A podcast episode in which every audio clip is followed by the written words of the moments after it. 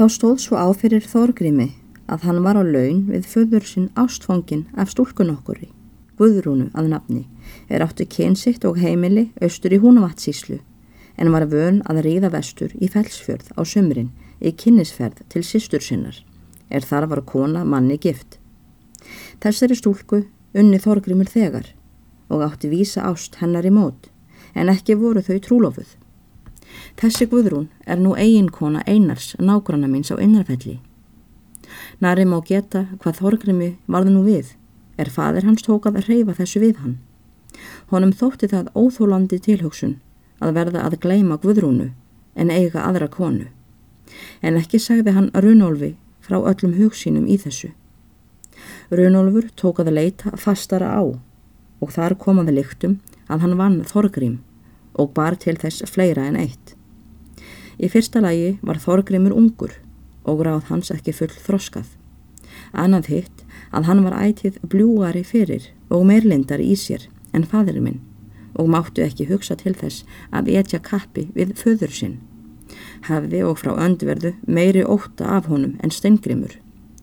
Og enn styrti það að hann fór nærri um hvað gerst hafði í með þeim steingrimi og vildi fyrir hvern mun komast hjá slíkum íldeilum. Hann let því til leiðast og lagði málefnið á vald föður síns.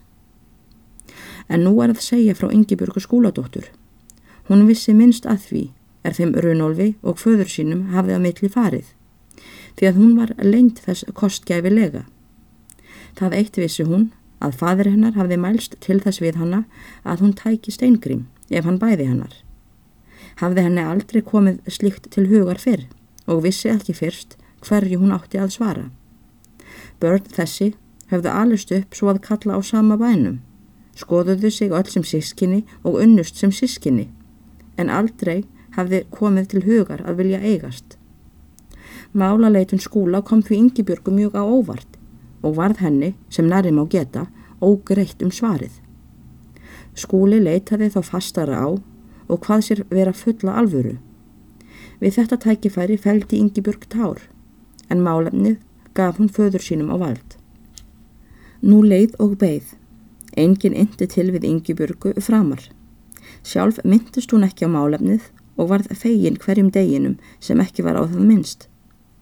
En sem nú hér er komið sögunni og Rönólfur hefur unnið Þorgrím Sónsinn, þá leggur hann á stað og hver að innanfelli, heitir fyrst að máli skúla og Þorgerði.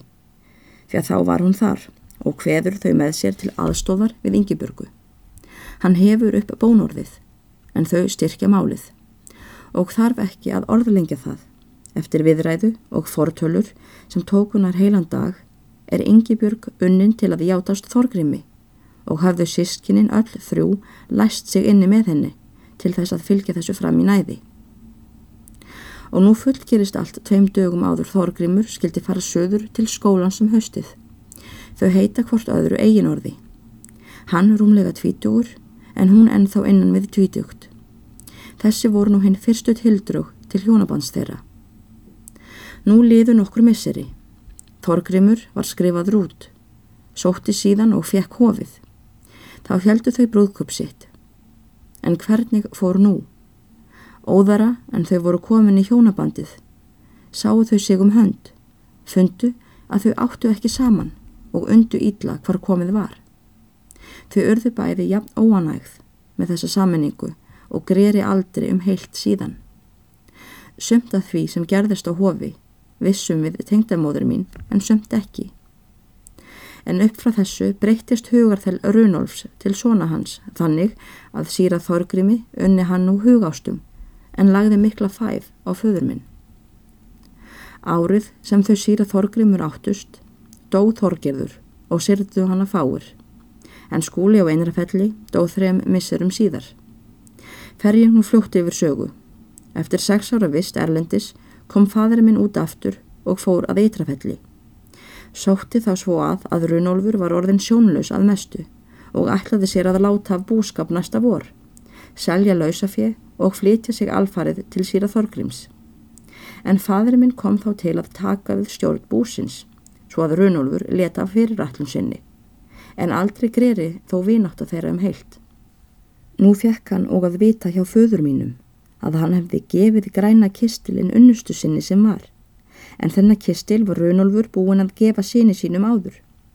Ekki bætti þetta um vinfengi þeirra, því það þótti Runolfi óbætanlegt tjón fyrir ættina að missa þann kjörgrip.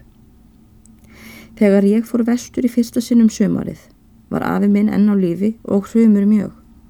Honum þengti þá fljótlega og dó hann á meðan ég dvaldi hér. Síðasta dagrið sem hann livði síndist slá nokkrum ljósbjarma yfir hans liðinu æfi, er oft og tíðum hafði breysk verið.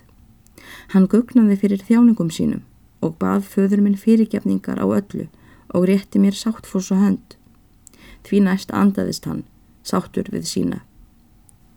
Þetta er nú tengdamóður mín, ágripið af sögu þessari, en annað er þér kunnugt og þarf ekki að greina frá því. Græni kistillin hefur verið og er nú geimdur hér sem helgidómur.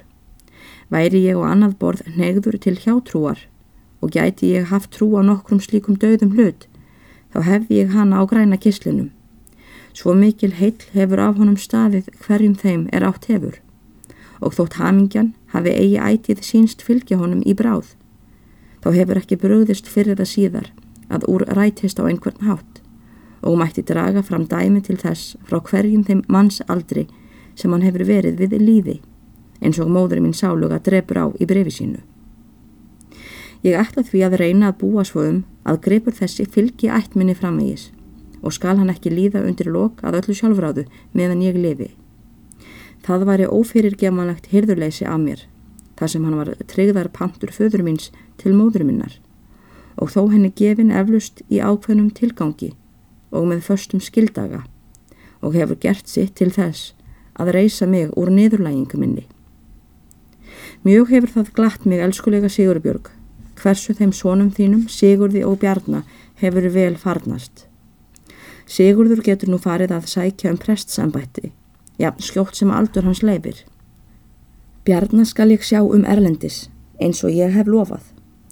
Vona ég að þið hafið fulla ánæju af þeim bræðrum er stundir líða. Littli Þorgrímur kemur sér svo hérna að hann er hugljúfi hvers manns. Við höfum mestu skemmtun af honum og skal hann kvorki gjalda þín, sín eða nafnsins. Þegar brefi aðalstens var hér komið, laug vinnumadur hans upp stofuhörðinni og mælti. Maður er komin að sunnan og vill tala við húsbóndan. Aðalstein stóð upp, let reytfeng sín eftir á borðinu og gekk út. Hann var stundarkorn frammi.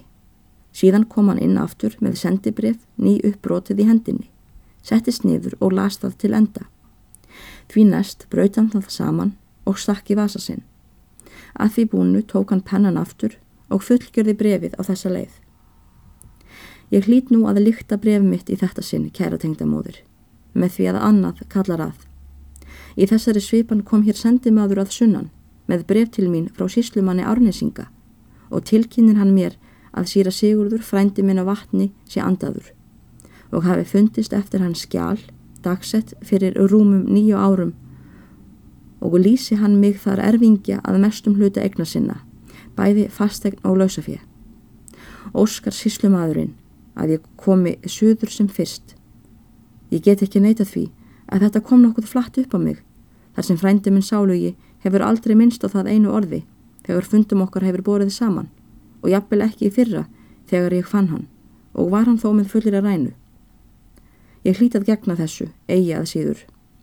Eigi vil ég standa í móti gefiminni og sjálfur verð ég þá til þess að bera bref þetta langt áleiðis og grunaði mig það ekki þegar ég setti snefur til að skrifa. Með ástarþokk fyrir allt gott fyrir og síðar hvað ég þín úr kæra tengdamóður með manni þínum og börnum. Láttu ekki dveljast að leita til mín ef þér likur á og sendu þá til mín mann á minn kostnað. Ég er engin fátaklingur framar. Guð hefur blessað mig margfaldlega og óskar nú þér og þínum velíðunar og blessunar Guðs. Þinn einlegur vin og tengdason, Adalstein Stengrimsson. Um kvöldið bætti húsfreyja Adalsteins þessum línum neðanum í brefið. Elskulega mamma, þú verður að gera þig ánagða með þetta bref frá okkur báðum. Ég kemst ekki til að skrifa í þetta sinn fyrst maðurinn minn ætlar að fara á morgun. Littla nafna þín byður að helsa þér og tokki. Kistu pappa og krakkana fyrir okkur og verðt svo blessuð og sæl, elskan mín. Svo skrifar í mesta flaustri þín dóttir Anna. Dæin eftir um hádegi reið aðalsteitan heimann og var gamli sörli með í ferðinni. Ekki var hann mjög döflegur að sjá, þótt hann væri nú nýjinn á efra aldur og hefði mátt ætla það að fótaburðinu að hann væri nokkrum árum yngri en hann var. Svo létt var honum ennþá um sporið. Aðalstein erði mikla fjármunni eftir síra sigur frendasinn. Hann gerði mikið gott af öðlegð sinni og bjó að gæfunni vel og lengi.